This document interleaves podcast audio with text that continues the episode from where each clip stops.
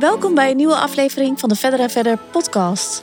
En vandaag is het wel een, eigenlijk een hele bijzondere aflevering, want ik heb lang nagedacht of ik dit moest doen, of ik dit niet moest doen, hoe ik dit moest doen. Uh, en ja, dus... Het is ook wel een hele persoonlijke podcast, denk ik, daardoor. Ja, want dit is de Breakup podcast. En waarom de Breakup podcast?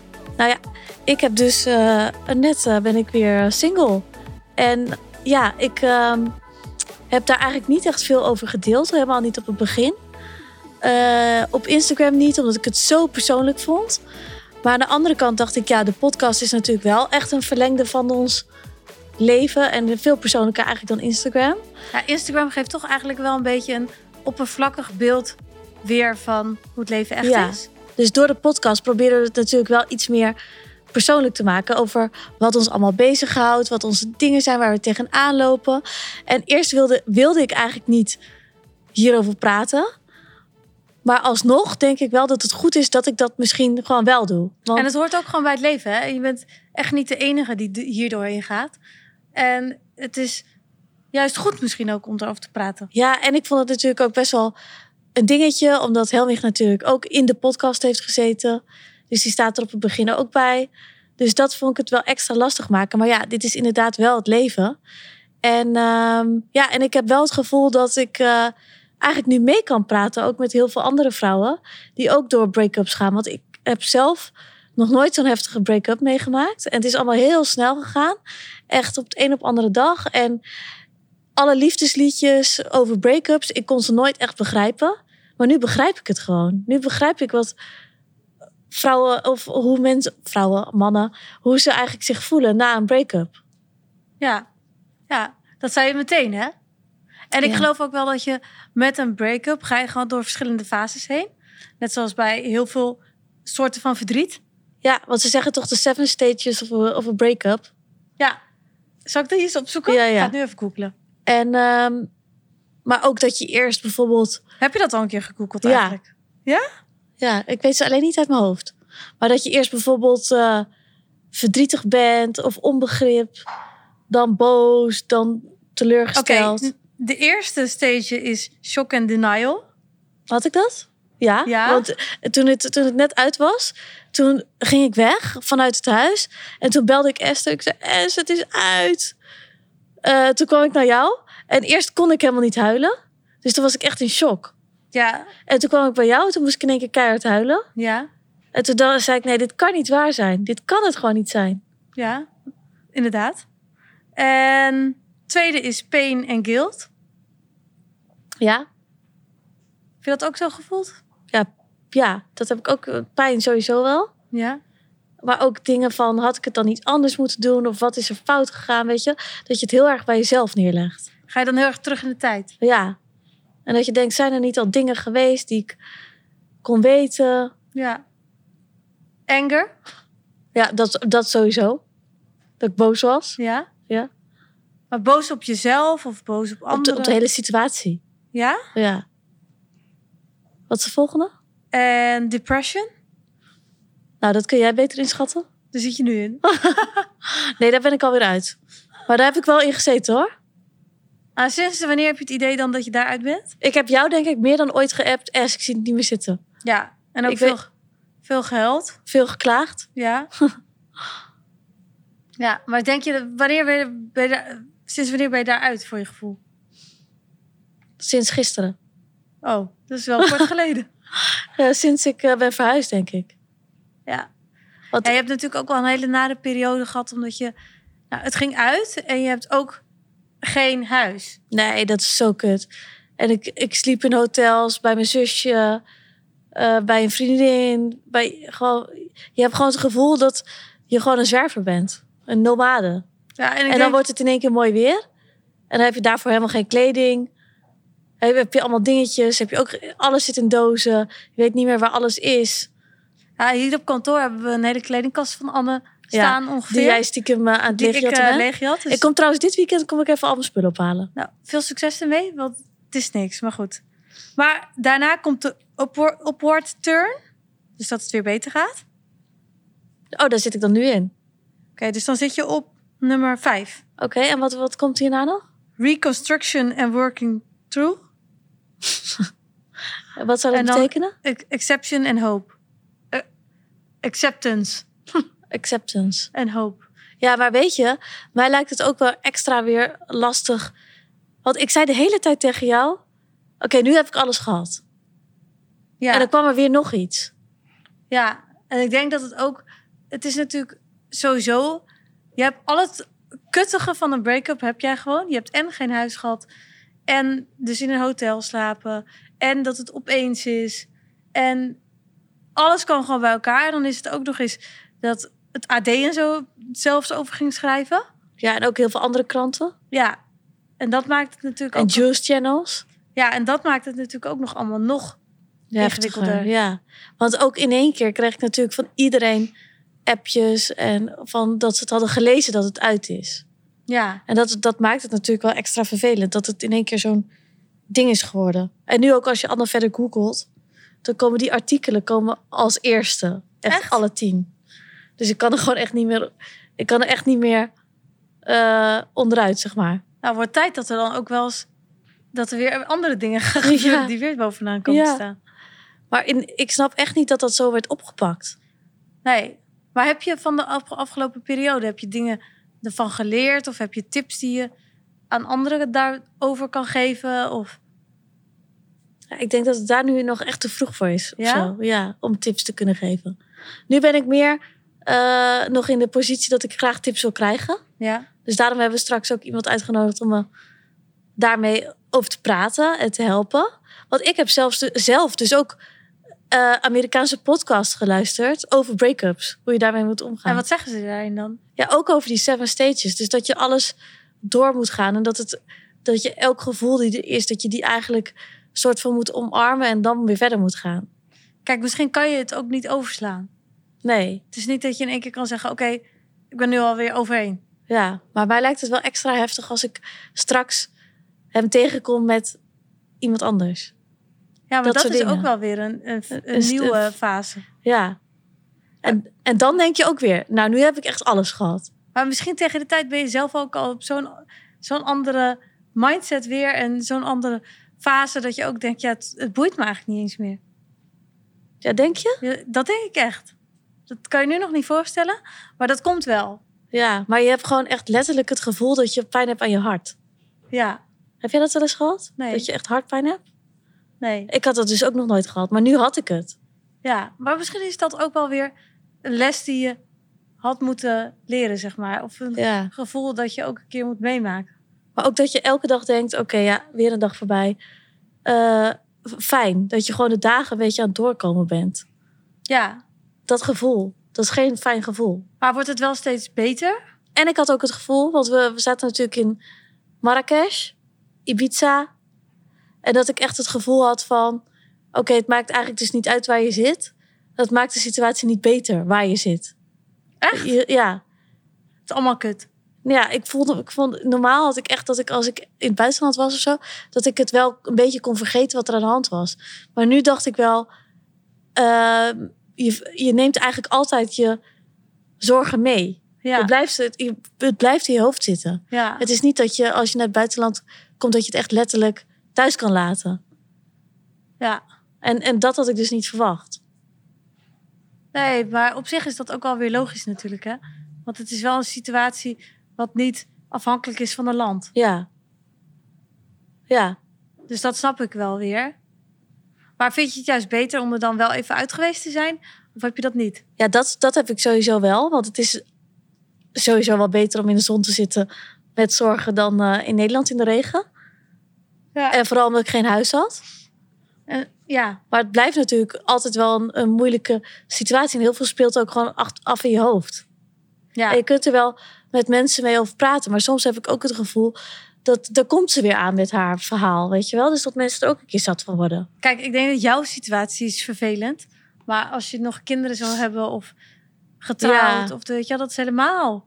Dat is ook weer op een andere manier. Is dat Ja. super heftig. Ja, maar dan moet je nog met elkaar door één deur kunnen. ja, Maar voor mij is het zeg maar, dat hoeft dus niet, maar daardoor is het extra resoluut. ja. Ja, dat snap ik. En dat maakt het ook alweer lastig. Ik denk dat er zijn zoveel verschillende vormen Ja. van break-up.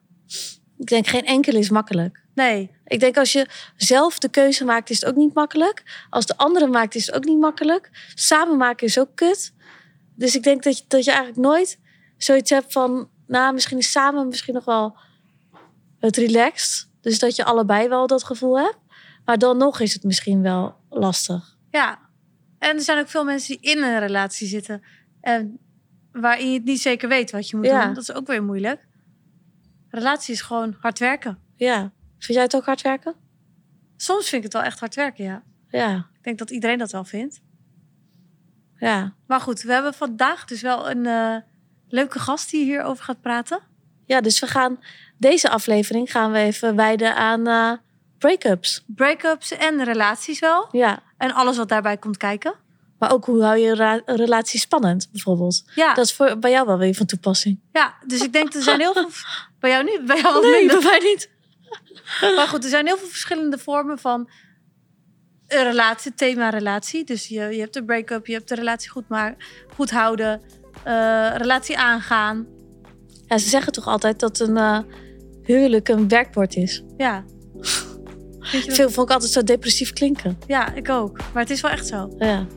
Oké, nou, ik denk dat, eh, dat dit er wel was. En dan Ja. kunnen we doorgaan naar eh, onze gast misschien Ja. wel. Voor deze bijzondere podcast hebben we ook een hele bijzondere gast uitgekozen. Want ik dacht, ja, de Breakup podcast, hoe ga ik dit nou aanvliegen? Want het is natuurlijk ook voor mij is het echt eh, ja, mega persoonlijk. En ehm, ja, Ik denk dat het liefdesleven over het algemeen natuurlijk wel heel persoonlijk is. Ja, en ik denk ook wel dat, eh, eh, dat ik heb zelf dus ook, wat ik net zei, podcast geluisterd. Over hoe je nou moet omgaan met een break-up. Want ik denk dat het gewoon eigenlijk in geen één geval makkelijk is. En wie is daar nou het beste voor om mee over te praten? En dat is toch Evelien. Hallo. Kun je jezelf even voorstellen? Yes, ik ben Evelien Stallaert. Ik ben eh, psycholoog en seksoloog. En ehm, nou ja, je kan misschien, me misschien kennen van Married at First Sight of RTL Boulevard, waar ik als vaste expert regelmatig ben. Ehm, en ik heb mijn eigen praktijk aan het Vondelpark, waar ik eh, mensen zie, koppels, maar ook singles, eh, met problemen rondom relaties en seksualiteit. Wat leuk. Ja, echt Ja. heel leuk. En hoe kom je nou hierbij om hier in dit vakgebied te beginnen? Dat lijkt me ook wel iets. eh, ja. Ja. het is niet heel standaard. Nee, nou ja, ik studeerde psychologie in de universiteit en dat vond ik wel interessant, maar ik ben van nature wel een blij ei eigenlijk. Ja, dat merk Ja, ik. Hele positieve Ja. energie. Ja, en ehm, ik vond het toch wel wat zwaar. Met natuurlijk veel hè, over angsten en depressies. En, maar goed, allemaal super interessant. Maar ik zocht daar eigenlijk een beetje mijn eigen weg in. En op een gegeven moment had ik dus een, een trimester over seksu- seksologie. En toen dacht ik eigenlijk van, jeetje, maar dit is eigenlijk iets, een stukje uit mensen hun leven. Wat we eigenlijk onderschat wordt. Onderschat voor hoeveel het eh, ja, van belang kan zijn in een relatie. En hoeveel het ook doet voor iemands kwaliteit van leven. En toen dacht ik, yes, daar ga ik in verder. Want daar wil ik echt iets voor, ja, voor mensen voor betekenen. Dus eh, daar heb ik een soort van missie eh, gemaakt. En vanaf toen eigenlijk al mijn pijlen gezet om seksoloog te worden vanuit die eh, psychologie, zeg maar. Nou, ja. wat leuk. Ja, Want het is eigenlijk best wel iets waar niet heel open over wordt gepraat. ja, Mensen helaas. zijn toch wel heel gesloten. Een beetje Ja. taboe is het wel, denk ik. Ja. ontzettend. Ja, kijk, we zijn nu in een tijd waarvan je eigenlijk hoopt dat we daar allemaal al stapjes in gemaakt hebben. En wij in Nederland vinden ook dat we daar allemaal heel goed in zijn. Hè? En praten over seks en open zijn daarover. Maar dat valt eigenlijk heel vies tegen. Want als er open wo- wordt gepraat over seks, dan wordt dat toch ook vaak een beetje opgeschept. En dan worden dingen toch wel wat mooier gemaakt. Want ja, het zit ook wel een beetje in ons mensen. Ja. om eigenlijk altijd wel gemiddeld te willen zijn. Of in ieder geval niet hè, eh, vreemd gevonden of als Ja. afwijkend gevonden te worden. Dus dan gaan we toch al snel mee in eh, van, oh ja, nee, dat vind ik ook. Of dat, Ja, dat dat doe ik ook. ja. Ja. Ja, terwijl... Want dan wordt er ook niet over je gepraat. Juist, En ja. anders wordt er misschien wel weer over je gepraat. ja. Ja. Het is er veilig en het, eh, ja. En ik denk dat het ook natuurlijk een moeilijk onderwerp is om over te beginnen. Ja, Als het niet zeker. goed gaat. Als het niet goed gaat, Ja. ja. echt. En je hebt ook het gevoel, hè, dat hoor ik van veel cliënten, van eh, ben ik dan abnormaal? En eh, nou ja, dat is in, in de meeste gevallen is dat natuurlijk niet zo. Nee. Ehm, seksuele problemen zijn heel normaal, heel menselijk. En het kan ons allemaal overkomen. Want ja, je hebt gewoon heel veel in je leven gaande. En dat kan je, kan je soms even van je, ja, van je voeten vegen. En dan, Ja. eh, dan lopen dingen even anders. Ja. Ja. Want ik denk, eh, ja, Anne, die, eh, haar relatie is natuurlijk net Ja. Over. over. Ja, Ja, misschien eh, ken je, help jij ook wel veel mensen die dit ook meemaken. ja Heb zeker. je dan nog tips voor bijvoorbeeld eh, Ja, voor nou ja, break-ups? Ja, want ik had altijd dat ik eh, dat nooit zo had meegemaakt. Maar nu Mhm. zei ik net tegen S dat ik echt, zeg maar, zelfs pijn van mijn hart had. ja. Omdat ik het zo heftig allemaal vond. En Letterlijk. dat ik echt de dagen moeilijk vond. En Mhm. weet je wel, dus dat, dat ik echt een beetje aan het struggelen was met mezelf. ja. Van hoe ga ik nou hierbij om? Want je hebt toch een soort toekomstbeeld samen. Mhm. Wat in één keer Ja. weg is. Ja, En ik denk wel dat heel veel mensen dat eigenlijk ook hebben. Ja, Want ik ging zelfs ook podcasts opzoeken die ik ging luisteren van met tips. En toen ehm, hadden ze het ook over die seven stages of a breakup. ja. Maar is dat ook echt zo? Ehm, nou, ik heb ze even niet helder, moet ik zeggen. Wat die seven stages uit, mijn- ja. uit mijn hoofd zou ik niet. Maar ik ken ze. Ehm, maar zelf denk ik dat dat voor iedereen echt wel anders is. Maar ik denk dat het voornamelijk heel belangrijk is dat je voor jezelf echt een soort van ja, rouwperiode-achtig. ehm, eh, dat je dat jezelf dat gunt.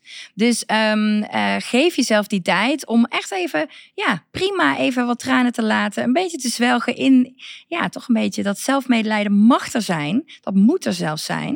Want het is he- allemaal niet niks wat er gebeurt. Dus ik denk dat het heel belangrijk is dat je, dat, dat je daar ruimte voor geeft. Ja. Dus dat je dat lekker laat gebeuren.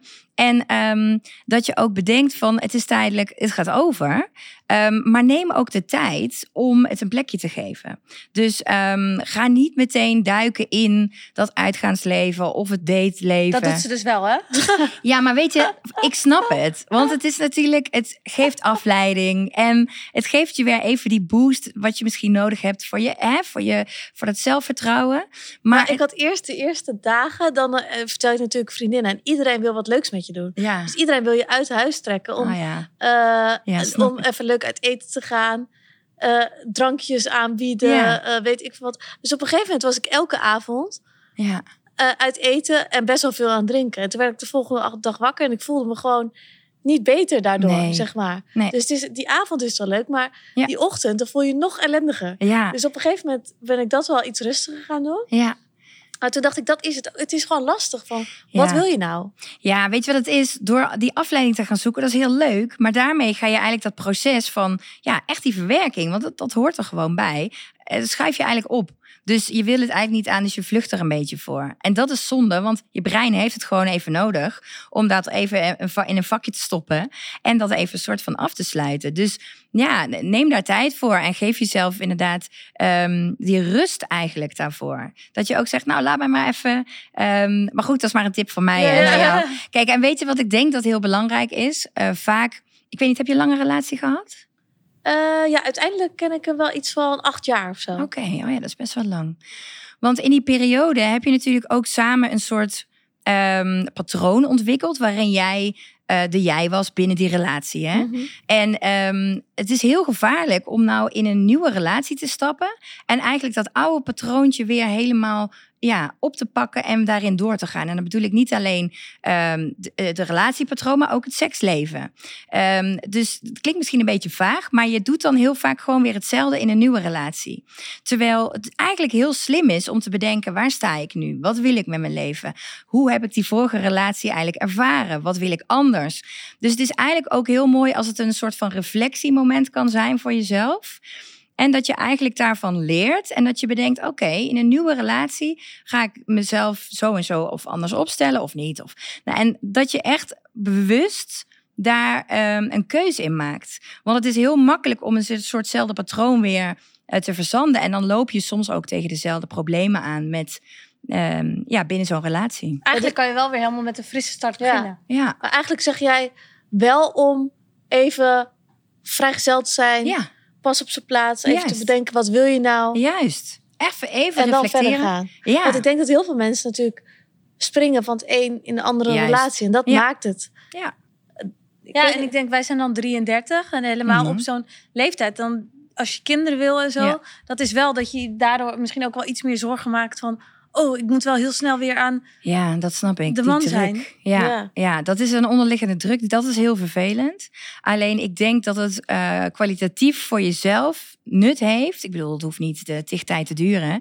Maar geef jezelf daar gewoon een aantal maandjes de tijd in. En eh, die man, die, die, eh, nou ja, die, die komt echt wel op jouw pad. Hoef je niet bang voor te zijn. Maar Ja. het is echt, ja. Ik zeg dat ook altijd, maar als je het zelf, als je er zelf in zit, is, het soms moeilijk te geloven. Ja, dan is het echt moeilijk te geloven hoor. Dan denk je echt, wow, eh, je bent gewoon weer echt even helemaal op jezelf aangewezen. Ja, En ook laatst was ik mijn huis dan natuurlijk, ik was ben mijn huis aan het verbouwen. En dan eh, eh, ben ik met verhuizers bezig, met elektra, met leidingen, weet ik wat. Oh, ja. En dan denk ik soms, ik heb gewoon even een man nodig, weet je wel, Ja. die me helpt. En dan denk ik, nee, dat mag ik niet denken, weet je wel. Ik kan dit prima zelf. Dus je wordt de hele tijd ook van de een naar het ander geschoven. En je voelt je heel erg geëmancipeerd. Maar soms heb je echt zoiets van: oké, Ja. dit is echt mannenwerk of zo. Ik Ja. wil gewoon nu, of dat je s'avonds thuis komt van werk en gewoon even met iemand wil kletsen, weet je wel. Dat soort dingetjes, ja. dat mis je dan gewoon. Ja, zeker. Maar ik denk dat, dat je alle vertrouwen kan hebben van, nou, dat komt goed. Maar focus lekker even op jezelf. Ja. En dat, dat jouw hart weer geheeld wordt en dat je weer in je kracht kan komen. En dat je gewoon de wereld aan kan. En dan, nou ja, dan. eh, die Ben je ook een leuke persoon voor een ander, denk ik. Ja, dat denk ik ook. Zeker. Maar we hadden net al even de intro van deze podcast eh, samen opgenomen. Mhm. En toen zeiden we dat mensen altijd zeggen: een relatie is een werkwoord. Ja. Nou, ik heb eigenlijk stiekem heb ik wel een beetje een hekel aan deze term. Ja. Want ik vind het heel negatief ja. klinken. Maar als je zelf in een relatie zit, laatst, nou ja, je hebt gewoon niet altijd dat het helemaal geweldig is. Nee. En ik heb dan een relatie en toen dacht ik laatst wel, shit, eigenlijk is het wel zo. Relatie is echt een werkwoord. Ja. Maar hoe kijk jij daar tegenaan? Ja. Ja, ik denk dat zeker. Eh, ik vind het ook een vervelende zin. Maar Ja. eh, het is inderdaad, eh, ik zeg altijd, ik denk dat je ten alle tijde moeite moet blijven doen voor elkaar. Ja. Omdat in het begin van de relatie, dan hè, werkt er heel veel mee. Dan doen de hormonen zijn werk en dan ben je nieuw voor elkaar en dan wil je elkaar ontdekken. En Ja. nou ja, dan is het alles heel spannend. Maar Dus- hoe lang is een begin? Ja. Ja, dat is voor iedereen anders. Maar gemiddeld gezien is dat zeg maar van een aantal maanden tot nou ja, een jaar. Ja. Dat is een beetje gemiddeld. Dan, is het, dan gaat het allemaal vanzelf. Ja. Jij zit Vanaf nu over dan- een jaar, hè? Ja, ja. Wat Ja. zei je? Ik Sorry? heb nu een jaar. Ja, ja, maar het, het is niet negatief, hè? Maar vanaf dan is het gewoon wel belangrijk. Want je, eh, het wordt normaler. Je kent elkaar. Op een gegeven moment weet je iedere centimeter van elkaars lijf wel. Je weet wat je doet. Je weet soms ook wat de ander denkt. Dus het is ook wel belangrijk dat je daarin moeite blijft doen om de ander eh, te zien, te horen. En ehm, ja, ook om niet te denken van, oh ja, morgen is die er weer. Of, eh, maar Als ja, het normaal gaat vinden. Ja. Juist, het verlief gaat nemen. Dus het is echt belangrijk, denk ik, op alle fronten om, om moeite te blijven doen. Dus om elkaar te verrassen, maar ook om je beste zelf te zijn. Maar hoe doe je moeite en hoe verras je iemand? Wat zijn de praktische tips?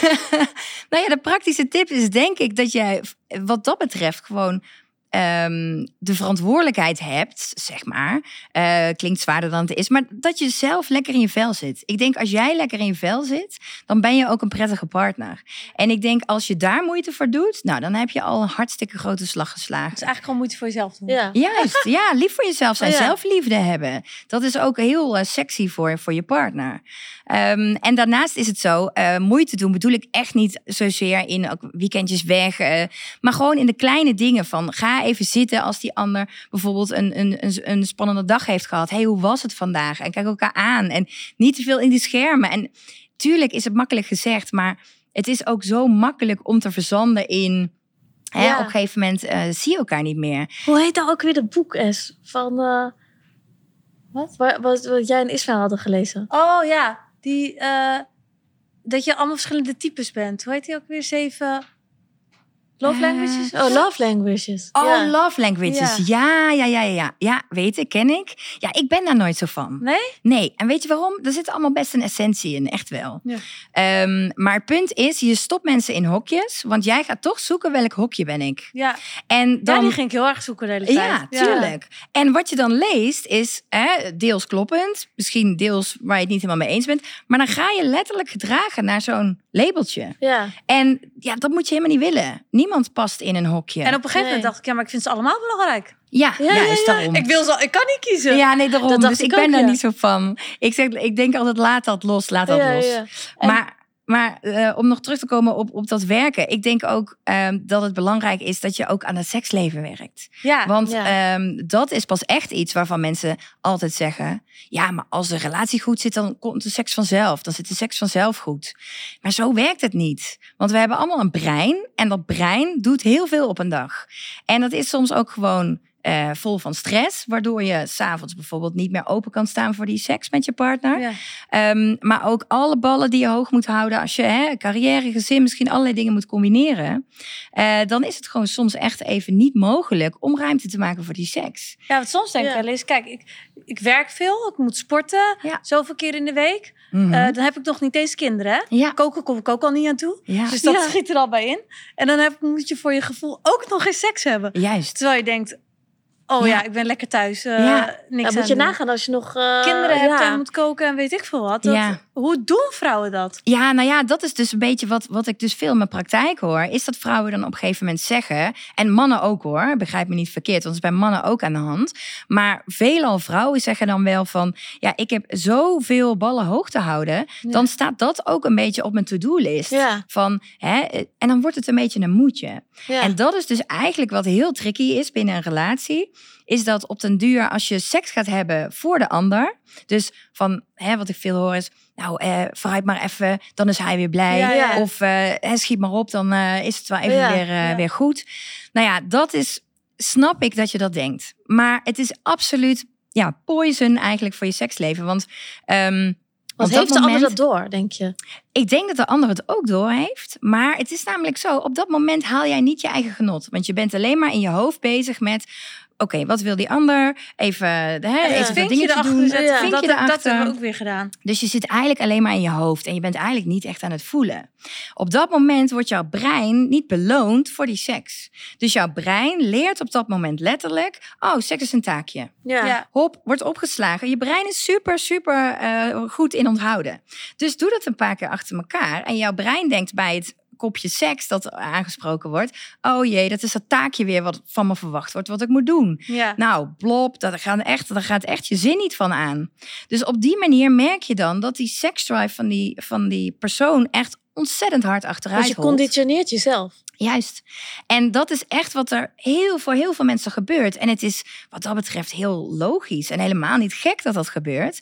Alleen ja, je moet jezelf daar wel uit kunnen snappen. En dat lijkt me dus heel Ja. moeilijk. Want als Ja. je uiteindelijk dat patroon hebt en dat in je hoofd zit, hoe Ja. haal je dat weer eruit? Nou ja, dat is dus waar mensen tegenaan lopen. Dus of het is zo dat het ze lukt om hè, die moeite te doen om te bedenken: oké, nee, ik ga zorgen dat ik wat rust in mijn hoofd creëer, dat we wat quality time hebben. Hè, en dan eh, lukt het wel weer.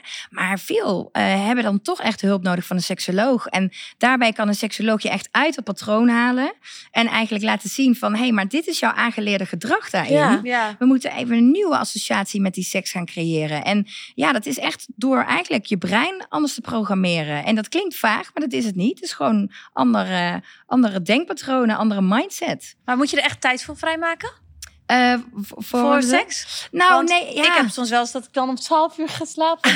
dat ik dan denk, ja, op zich zou ik wel willen. Maar ja, dan eh, moet vanmorgenochtend alweer vroeg op, laat maar. Ja, ja. En dan denk ik, ja, daar had ik misschien eerder aan moeten denken. Ja, nou ja, ik, seks plannen is voor heel veel mensen is dat een no-go. Want heel veel mensen zeggen, maar we moeten spontaan. Ja. Maar op het moment dat jij ontzettend druk bent, dan zeg ik, ja, dan kan je maar beter wel doen. Ja. Want hè, van seks komt seks. Ja. Dus als jij op een gegeven moment inactief raakt, dan heb je ook die zin niet meer zo makkelijk. Nee, Dat dus is- het ja, sluipt dat er heel ja. snel. Juist. Als je het Ja. niet meer doet, dan mis je het ook niet dan meer. mis Nee, je dan het mis je niet het meer. niet meer zo. Nee, nee. Dus je wil eigenlijk altijd dat waakvlammetje aan hebben staan van jij die seksueel actief bent, of met jezelf, of met je partner, of allebei, los van elkaar of met elkaar, dat mag allemaal. Maar dat het in ieder geval zo is dat je aanstaat, hè, dat waakvlammetje, dan kan je veel makkelijker tot een hoge vlam komen als je partner zegt, hé hey, schat, ik heb wel, eh, wel zin. Ja. En, maar dan ja, moet je dus allemaal toch wel wat moeite voor doen. En Dus- hoe vaak moet je eigenlijk seks hebben? Of ideaal gezien? Nou ja, In de week. ja, daar is sowieso geen moeten in. Absoluut niet. Maar niet nooit, zeg maar. En dat, nee, nee, nee. Kijk, ehm, als jij het inderdaad nooit doet, dus jij gaat op een onbewoond eiland zitten, dan heb je ook geen behoefte daaraan. En, Ja. nou ja, maar daar heb je dan ook geen last van. Nee. Want dat ja, voel je dan ook niet.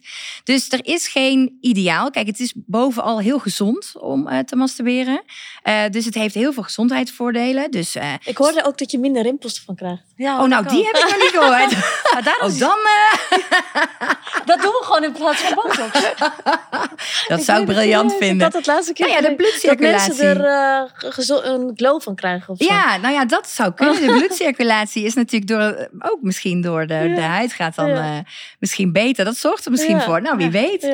Maar in ieder geval, het heeft heel veel voordelen. Want het zorgt er inderdaad dat die stress even gereliefd wordt. Ehm, het is pijnstillend. Nou ja, het, het, het eh, beschermt tegen ehm, eh, hart- en... eh, eh, hoe zeg je dat? Eh, bloed, Vaatziekte? Nee. hart- en vaatziekten. Dank je. En eh, nog heel veel andere dingen. Dus bovenal is het gezond. Maar ik zeg altijd, al een paar keer per maand, dat is al heel goed. Maar ik, ik adviseer het voornamelijk om eh, te masturberen. Ehm, eh, omdat het vooral heel goed is om je eigen lijf goed te kennen. Zodat je goed weet, dit vind ik lekker. Hier liggen mijn wensen, maar daar liggen ook mijn grenzen. En ik denk als iedere vrouw dat maar kon doen, echt zichzelf goed ontdekken, dan dat is en weer heel goed voor die partnerseks, maar ook in situaties waarin je het ook echt nodig hebt, hè, onveilige situaties. Dus daarin zou ik zeggen, ja, masturberen geeft gewoon heel veel, eh, heel veel goeds. Ja. Daar ligt helemaal een taboe op. ja. Daar ligt er Nog ontzettend veel meer dan... eh, Ja, En ik denk helemaal voor vrouwen. ja. Ik weet het niet. Ja, ik hoor inderdaad wel veel vrouwen dan toch niet echt toegeven dat ze masturberen. Ja. Ehm, maar wat ik ook nog steeds hoor, en dat vind ik heel opvallend, is dat, eh, een dat vrouwen ook nog steeds, of sommige vrouwen, vinden dat eh, masturberen, als een man dat doet, dat dat vreemdgaan is. Oh, en echt? eh, ja, zo van dan denk je aan, vast aan iemand anders. En eh, Oh. ik ben de enige die dat bij jou mag doen. En eh, ja, dat is best heftig, vind ik. Want ik vind dat je dat als partners elkaar mag gunnen. ja. En dat iedereen daar een eigen keuze in mag maken. Ehm, maar er zijn nog zo Maar als iemand no- nooit met jou seks heeft en dat wel doet, dan zou ik Ja. dus wel vraagtekens hebben van ja. waarom. Ja, snap ik. Maar toch zijn het twee hele andere dingen. Want ehm, met iemand anders eh, ben je toch echt inderdaad. eh, eh, ja, hoe zeg je dat? Je brein staat op een andere manier aan. Dus hè, misschien voel je niet helemaal veilig meer bij je partner. Misschien hebben jullie veel ruzies, eh, spelen er dingen waardoor je dat hoofd eigenlijk gewoon op alarm gaat. Zodra je je partner aangeeft van hé, hey, ik wil wel. Ja. Ehm, dus er kunnen zoveel redenen zijn waarom dat met je partner niet gaat, maar zelf wel. Ja. Dus het is niet zo, ja, zo. ehm, het is juist wel. ja, ja, ja. Het is wel heel goed los Ja. te zien. Ja. En ik denk dat je dus dat het heel goed is voor je partnerseks om zelf ook af en toe eh, actief te zijn eh, in, in het masturberen. Dat zal ja, want ik denk als je dat op een gegeven moment ook verleert, dan wat ben je, ja. ja. Ja, als je dat niet meer doet, dan staat dat waakvlammetje lager. Ja. Want je maakt le- letterlijk extra testosteron aan op het moment dat jij masturbeert. En dat is weer goed voor die zin. Dus heel veel vrouwen of mannen die aangeven van... hé, hey, ik, ik merk dat die seksdrive een beetje zakt... door alles wat er gaande is in mijn leven. En Ja. eh, dan zeg ik ook, eh, kijk dan of je iets meer kan masturberen. Dat is al een eerste Oh, goede... Ja. Lijkt me eh, zo apart als dit je werk is. Ja. maar ik heb dus, ik heb nu een jaar een relatie en met meiden onder, onder elkaar klets je natuurlijk wel altijd over ja, hoe is het bij jou, hoe is het bij jou? Ja. En ik heb heel veel vriendinnen in echt een hele lange relatie. En ik vrij kort natuurlijk. En dan zeg ik, ja, echt alles geweldig en seks helemaal goed. En Mhm. ja, is nog steeds, dus daar ben ik heel blij mee. ja. En ik, de standaardreactie is, ja, wacht maar. oh, Dus ja.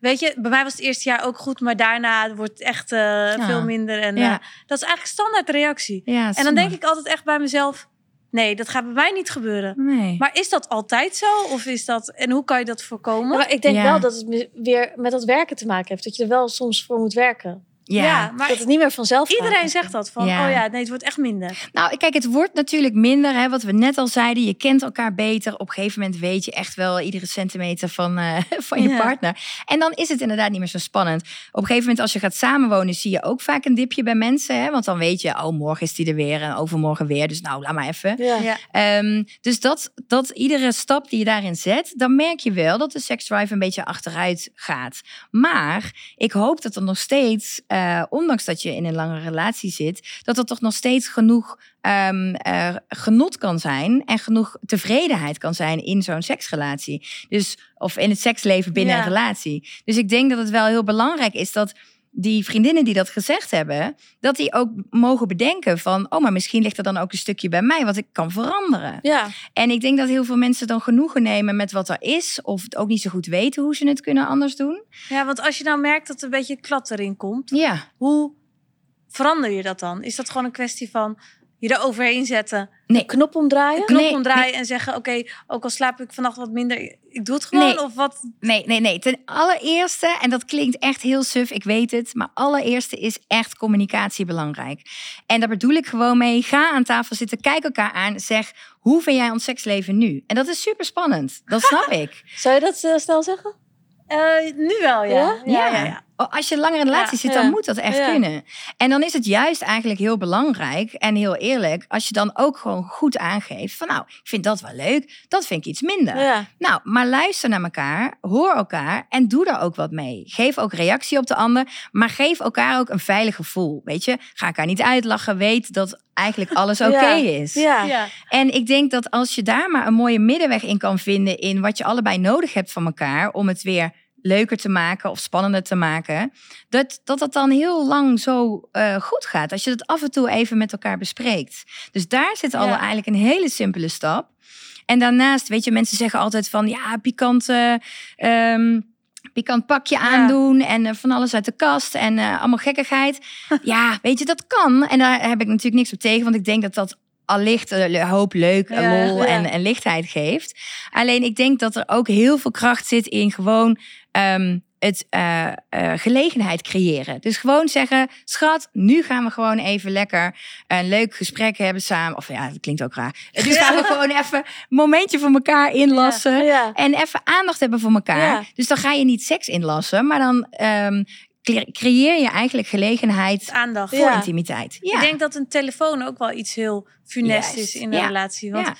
als je dan in bed gaat liggen, dat je altijd je telefoon zo eh nog Ja. Ja, dat, ik denk dat, oh ja, je wordt wakker. en Ja, je pakt je ding telefoon, weer. je En, gewoon- ja. Constant afgeleid. Ik denk, Juist. als ja. je dat niet zou hebben, dat je ook veel meer... Ja. Maar ik Dan hoorde laatst je- iemand die, zijn telefoon, die allebei hun telefoons niet de slaapkamer meer Ja. in- in- ja, heel slim. Ja, en toen dacht ja. ik, dat vind ik best wel eh, een goeie. Ja, ik vind het ook een goeie, maar heel, voor heel veel mensen die, Nee. die, die kunnen dat echt niet. Maar Dan wat krijg je wel als ik in bed lig.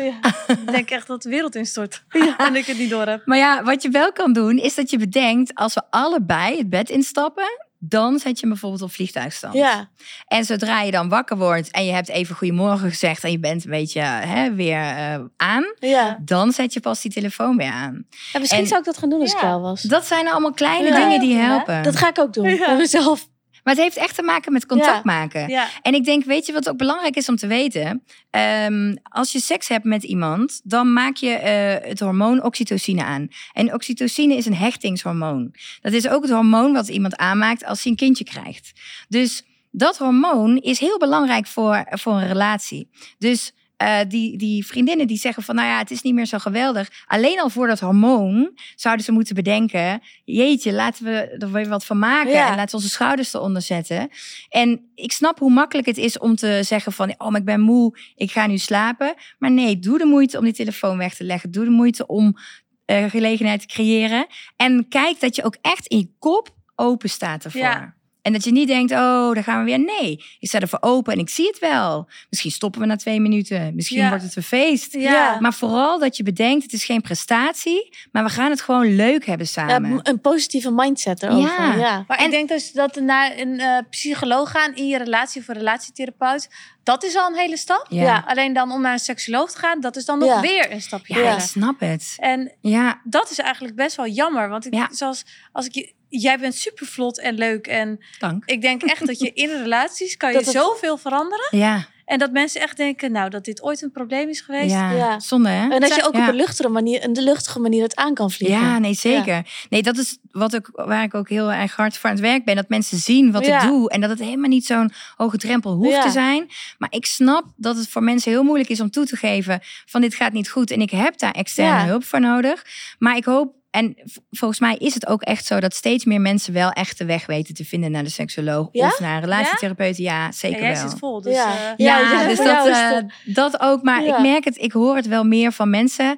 En gelukkig. En ehm, nou ja, net zoals mensen als een eh Eva Jinek, die net een recent een documentaire heeft uitgebracht over ook naar een seksoloog te stappen. Dat leuk. soort dingen. Ja, dat zijn alleen maar dingen die helpen om de mensen te Ja, dat laten vind zien ik juist van. goed. Ja. Ja, van het kan ons allemaal overkomen. En het is helemaal niet raar. Het Nee, is absoluut nee. heel normaal eigenlijk. Maar, Maar nu even terug naar de Oh. single mensen. Ja, Ja. terug naar de single. Of wil jij mensen. nog een Ik wil nog één vraag stellen. over relaties. Mag ik Ja, één ja, vraag ja, stellen? ja. Wat doe je als je in een relatie zit en één wil heel veel seks en de ander heel weinig? Oh ja. Ja. Want je vindt elkaar wel heel leuk, Ja. maar die behoeften liggen gewoon heel ver Ja. uit elkaar. Ja. Wat doe je dan? Nou ja, ten eerste is het belangrijk, wat ik jullie net verteld heb over dat masturberen.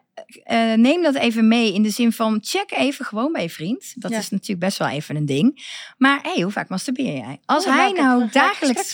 Ja, vanavond.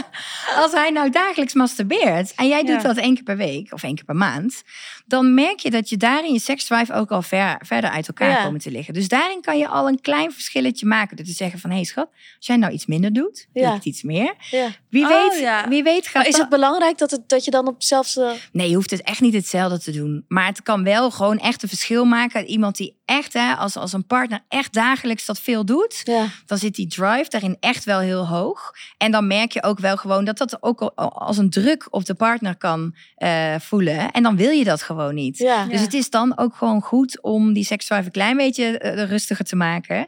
En dan zou dat al een eerste mogelijkheid zijn. Ehm, en ja, jij zou dan ehm, als partner daarin ook kunnen kijken van nou ga ik iets meer masturberen. Maar dan is het belangrijk dat je daarin ook een, een, een middenweg zoekt. Ja. Dus ehm, stel dat jouw partner daar echt nog steeds veel meer behoefte in heeft. Dat je dan even met de hand, met de mond elkaar even daarin een, een hulp eh, biedt. Ja. En eh, dat het niet altijd allemaal aan hoeft, zeg maar, qua, qua heel, eh, het hele seksspel.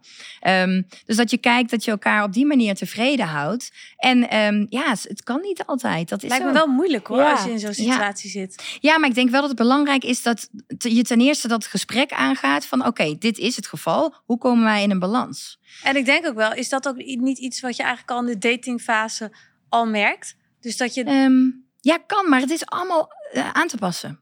Dus het kan allemaal Ja? veranderen. Ja? Dus ja. Is niet iemand gewoon zo? Ehm, nee, want dat is ja, ja, ja en nee. Want het kan ook echt aangeleerd zijn. Als jij maar altijd heel veel eh, seksueel actief bent, dan vraagt jouw lijf daarna. En dan wil Dan jouw je brein ja. dat. Ja, terwijl als jij een periode kent waarin je dat helemaal niet gedaan hebt. Dus bijvoorbeeld mensen met burn-out Ja. Eh, of depressieklachten, die hebben daar helemaal geen ruimte voor. En dan merk je dat zo'n seksdrive, ook voor mensen die een hele hoge seksdrive hadden, dat die seksdrive echt gewoon verdampt. Dus dat is, ehm, voor iedereen kan dat alle kanten op. En dat is dus ook echt wel aanpasbaar. Maar bizar wat stress eigenlijk ook met je doet. Ja. Ja. en stress is ook in die zin heel interessant om te weten. Dat stress maakt, dan maak je cortisol aan. En cortisol blokkeert weer sekshormonen. Dus daarmee weet je ook, als ik een stressvolle periode heb, als je een stressvolle periode Ja. hebt, dat je dan ehm, niet per se hoeft te verwachten dat die zin heel erg komt. Ja. Oh. Dus ga dan jezelf niet op je, hè, op je kop zitten Ja. van "Sh- wa- waarom lukt het nou niet? Maar dat je bedenkt, oh ja, oké, ik heb te veel stress. Nou, ga pak die stress aan. ja. Ja. Ehm, dus, dus het is heel belangrijk dat mensen daar ook meer kennis over hebben. Van hoe reageert dat lijf? En waardoor eh, ja, zorgt af en toe dat die zin gewoon niet, niet komt. ja. En eh, ja, dat is gewoon ons brein. En, en eh, wat dat betreft, eh, ja, denken mensen altijd te veel aan het fysiek met seks. Maar ons brein is daarin eh, het allerbelangrijkste eigenlijk. Oh, dat wist ik. Ja, Maar als je nou een, lange periode geen seks hebt ge- gehad door stress bijvoorbeeld, Ja. is het dan iets wat dan vanzelf weer terugkomt? Of dat je dan echt wel tegen jezelf moet zeggen, oh, ik werk nu dat het gewoon uit mijn systeem is? Ja, Dus je moet moet het het wel weer echt weer aanpakken. aanzetten. Ja, ja. Dus inderdaad door weer actief te gaan zijn. Dus of met masturbatie of met eh, een partner. En dan ga je het langzaam, hè, als dat allemaal positief en fijn is, ga je het langzaam weer meer willen en, Ja. en leuker vinden. Maar ja, dat, is, dat moet weer even aan. Dus het kan echt aan en uit. Ja, en dus ook een beetje aangeschroefd worden. Zo, dat lijkt me echt eh, ook Ja. heel vervelend als je eh, brein het gewoon steeds... Ja. Ja, een soort van Blokkeert of blokkeert. zo, ja. ja. Maar dat is ook als vrouwen bijvoorbeeld pijn ervaren tijdens de seks. Hè, eh, dan, dan blokkeert je hoofd ook. Ja. Want dan is het gewoon eigenlijk letterlijk alarm. Ja. En dan wordt ja, en dan gaat het helemaal niet. Want ben je gespannen Nee, ja. en dan Ja. eh, lukt het helemaal niet meer. Ja. Ja. en het is Ja. ook eigenlijk een soort beschermingsmechanisme Ja. van je lijf. Ja. Dus, eh, Wat ik dus ook heb gehoord is dat ehm, als je met iemand aan het daten bent. Ja, Kijk, als vrouwen, als een man en vrouw dus gaan daten, dan gaan ze bijna altijd naar een bar ja. en drinken. ja. En dat is eigenlijk de eerste vijf dates of zo doe je dat eigenlijk wel. Dus dat tussendoor ga je een keer met iemand naar bed. Mhm. En dat een vrouw zich dan eigenlijk al hecht aan iemand, onbewust.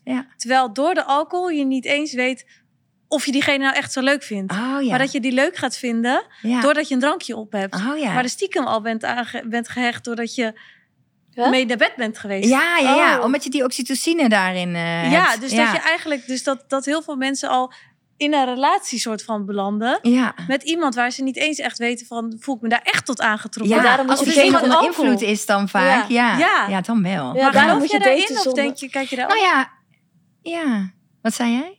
Ik zei, daarom moet je daten zonder alcohol. Ja, nou ja, inderdaad. Dat is dan wel een beetje rottig als het dan altijd inderdaad eh, door alcohol eh beneveld Ja. is. Dat is wel, wordt het wel een beetje rommelig. Iemand kan natuurlijk, als je een paar drankjes op Ja. hebt, kan je, daar, kan je denken, ach ja, zo lelijk is het eigenlijk toch niet. Snap Ja, je? Dat- nou ja, en letterlijk Ja. denkt je brein minder op Ja, het moment dat ja. je ook uh, ja, alcohol hebt gedronken. Dus nee, dat, dat, ik geloof daar op zich wel in. Maar daarom denk ik dat het misschien goed is om daar altijd even een glaasje water tussendoor te gooien. Hey, nou, dan weet je dat. En- maar dat is wel zo. Ja, je hecht je natuurlijk eh, wel op den duur. Ja. Maar is seks op de eerste date nou een go of een no-go? Ja, kijk, het, ik vind het ehm, altijd een beetje moeilijk om te beantwoorden. Omdat je tegenwoordig natuurlijk ook best wel vaak onveilige situaties hoort op de Mhm. eerste date. Dus je wil wel gewoon weten dat je veilig bent. Dus Ja. daarin ehm, ja, zou ik zeggen, weet je, als je echt veilig voelt en je weet dat deze persoon oké is, dan vind ik het prima een go.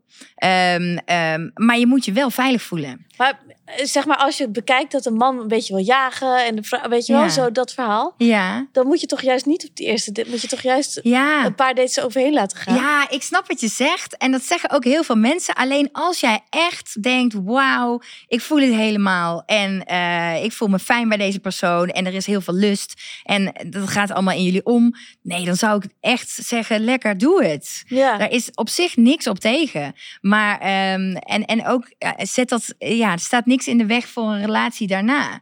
Maar als jij denkt van, nou ja, god, eh, ik wil gewoon dat nog even bewaren. Dan is dat nog ook heel prima. Want er zijn gewoon heel veel vrouwen voornamelijk. Die willen eerst die emotionele band even uitdiepen. ja. Van, hè, hoe voel ik me bij deze persoon? Om dan ook echt die kwetsbaarheid te durven geven. Op een fysieke eh, verbinding aan te kunnen gaan. Ja. Dus dat snap ik. En dat is ook een hele prima volgorde. Maar als je echt denkt van, joehoe, eh alle remmen los. Ja, daar is echt niks eh, mis mee. Merk ik een beetje dat de hele moraal van dit hele gesprek Ja. is gewoon dat je op jezelf moet focussen. Ja. Want als jij in een relatie dus op jezelf focust, Juist. dan ben je geluk, dan ben je leuker naar je man. Ja. En dan Dus maakt het in- ook niet uit. Als je aan het daten bent, moet je gewoon naar jezelf luisteren van voel ik me veilig en Ja. niet aan denken wat de, wat de man denkt. Ja. Is dat eigenlijk Dat is heel goed. Dat heb je denk ik heel goed gezegd. Ik denk dat het, eh, dat het begint eh, bij jezelf, dat daar de kern zit.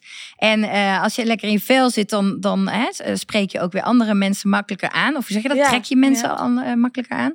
Ehm, en op, op seksvlak zeker. Want je Ja. mag echt best wel een beetje egoïstisch zijn in bed. Want daarmee zorg je voor die beloning in je brein. En wil je die seks de volgende keer weer. Dus ja, dat vind, ik vind dat zeker eh, heel, eh, heel Ja, en ik denk als je dan Grappig. minder focust op het spel, weet je wel, bijvoorbeeld Ja. wel of niet zoveel dates wachten. En dan Ja. maakt het je ook niet uit wat iemand anders, weet Ja. je omdat je gewoon goed voelt over jezelf. Ja, Maar als, als je heel erg gaat focussen van, ja, ik moet zo lang eh, met hem daten en ik moet zoveel dates wachten. Nee. En eh, dan, ik denk, dan, Terwijl- val- dan valt het misschien geheid ook tegen. ja. terwijl Nee. vrouwen altijd met, met de ander bezig zijn? Ja. Juist. En dat is het ook. Daar zit ook die kern van ehm, uit dat hoofd. Uit dat Ja, hoofd ja. voelen. Want dat, dat doen we tegenwoordig allemaal, lijkt wel. Alles overdenken, analyseren, Ja. Overdenken. Want, want we moeten de controle erop houden. Nee, voel en dan loopt het vaak goed. En alles moet perfect zijn? Ja, is dus ook, laat dat ja. los. Laat dat los. En, En, juist... juist, uiteindelijk is niks perfect natuurlijk. nee. Nee, ja. En juist denk ik, als je dingen los kan laten, dan vallen ze juist eigenlijk op de Ja. goede plek. En het is met seks juist ook ontzettend zo. Dus die opwinding, die kan pas groeien op het moment dat jij de controle loslaat. En juist eigenlijk je heel comfortabel voelt. En niet in je hoofd bent, maar aan Ja. het voelen bent. Ja. Ja. In een moment bent. Dus lekker egoïstisch zijn. Ja, dat is, Ja. ik denk dat dat een goede afsluiter is. Voor, Ja, ja. voor. Gewoon egoïstisch zijn. Nou ja, inderdaad. Focus op Ja, jezelf en ja. op je eigen behoeften. En eh, dan, gaat, dan valt de rest op zijn plek. Nou, ik denk dat het Ja. echt voor heel veel mensen echt Ik eh, ook. Heel leerzaam is geweest. In ieder geval voor mij. Maar heel- leuk. Ik heb Ja. wat gespreksonderwerpen. Ja, jij gaat vanavond naar huis en hebt eten. inderdaad wat te doen. En dan zeg je zo, nou wie er bij mij op kantoor was, ik Ja, heb een paar vragen voor je. Nee, echt heel leuk Ja. om je te spreken. Super. En ik denk dat, eh, nou, ik denk dat het taboe van naar een seksuoloog gaan slaat nergens op. nee, en ik ben ook heel, heel benieuwd wat eigenlijk onze luisteraars van deze podcast vinden. Ja, we gaan het vragen. Ja, Ik ook. Maar ik vond het heel leuk dat ik hier mocht zijn. ja, Ja. graag gedaan. En super dat jullie hiervoor, hiervoor open stonden om dit allemaal te horen. Ja, Ja. nou, ik vond het heel Voor leuk. mij was het wel een drempel hoor. Ja? Ik vond het ook. Ja, Oh, ja. nou. Maar ik ga meer over seks praten. ik, ik, ik hoop dat ik die drempel voor jullie heb weggaan. Ja. Nou, dankjewel. Dankjewel. Alsjeblieft.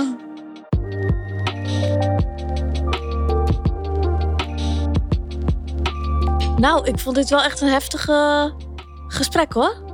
Ja, ik vond het wel heel, heel leerzaam ook vooral. Ja, ik denk dat ik dit wel een van de heftige, heftigste podcasts ooit vind. Waarom? Omdat het wel een beetje beladen voor mij was of zo. Ja, het is natuurlijk super persoonlijk voor jou. Ja. Het is niet echt over koetjes en kalfjes. Maar zij maakt het wel nuchter, dus dat is wel fijn. Ja. Heeft het jou denk je ook wel iets geholpen? Ja, Over het zeker. algemeen? Ja, zeker. En ook wel weer aan het denken gezet. Dat je eigenlijk gewoon meer aan jezelf moet denken. Ik ben ook heel benieuwd hoe eh, luisteraars reageren op deze podcast. Ik ook. Voor Anne is die natuurlijk eh, ja, heel persoonlijk geweest. Jullie mogen ook best reageren of jullie dat leuk vinden. Of hoe jullie daar tegenaan kijken. Of mensen die misschien ook in hetzelfde hebben gezeten. Of Ja. hetzelfde hebben doorgemaakt. Ik denk dat je het ook wel heel fijn vindt om tips van mensen te ontvangen.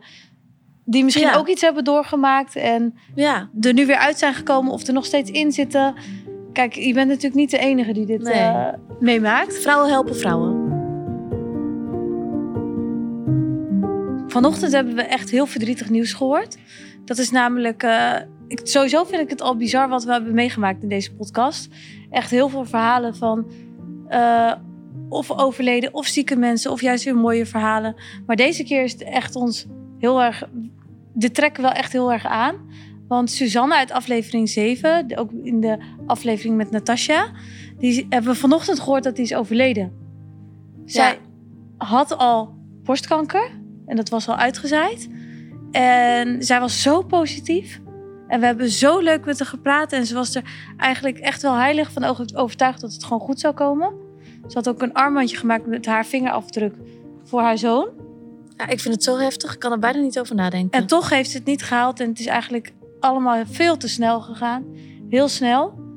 Ja, ik vind het echt ongelooflijk oneerlijk dat dit zo kan. Ja, maar ik ben wel blij dat we haar nog in de podcast hebben gehad. Ja, en dat we haar hebben mogen leren kennen. Ja, Dus ja, wij willen natuurlijk heel veel sterkte naar- aan, alle, aan haar hele omgeving wensen. ja, En voor ons krijgt ze altijd een eh, mooi plaatsje in ons hart. ja. Nou, bedankt voor het luisteren naar eh, deze Het is een aflevering. beetje een heftige Ja. afsluiting, maar ik denk dat het al met al wel een hele mooie podcast is geweest.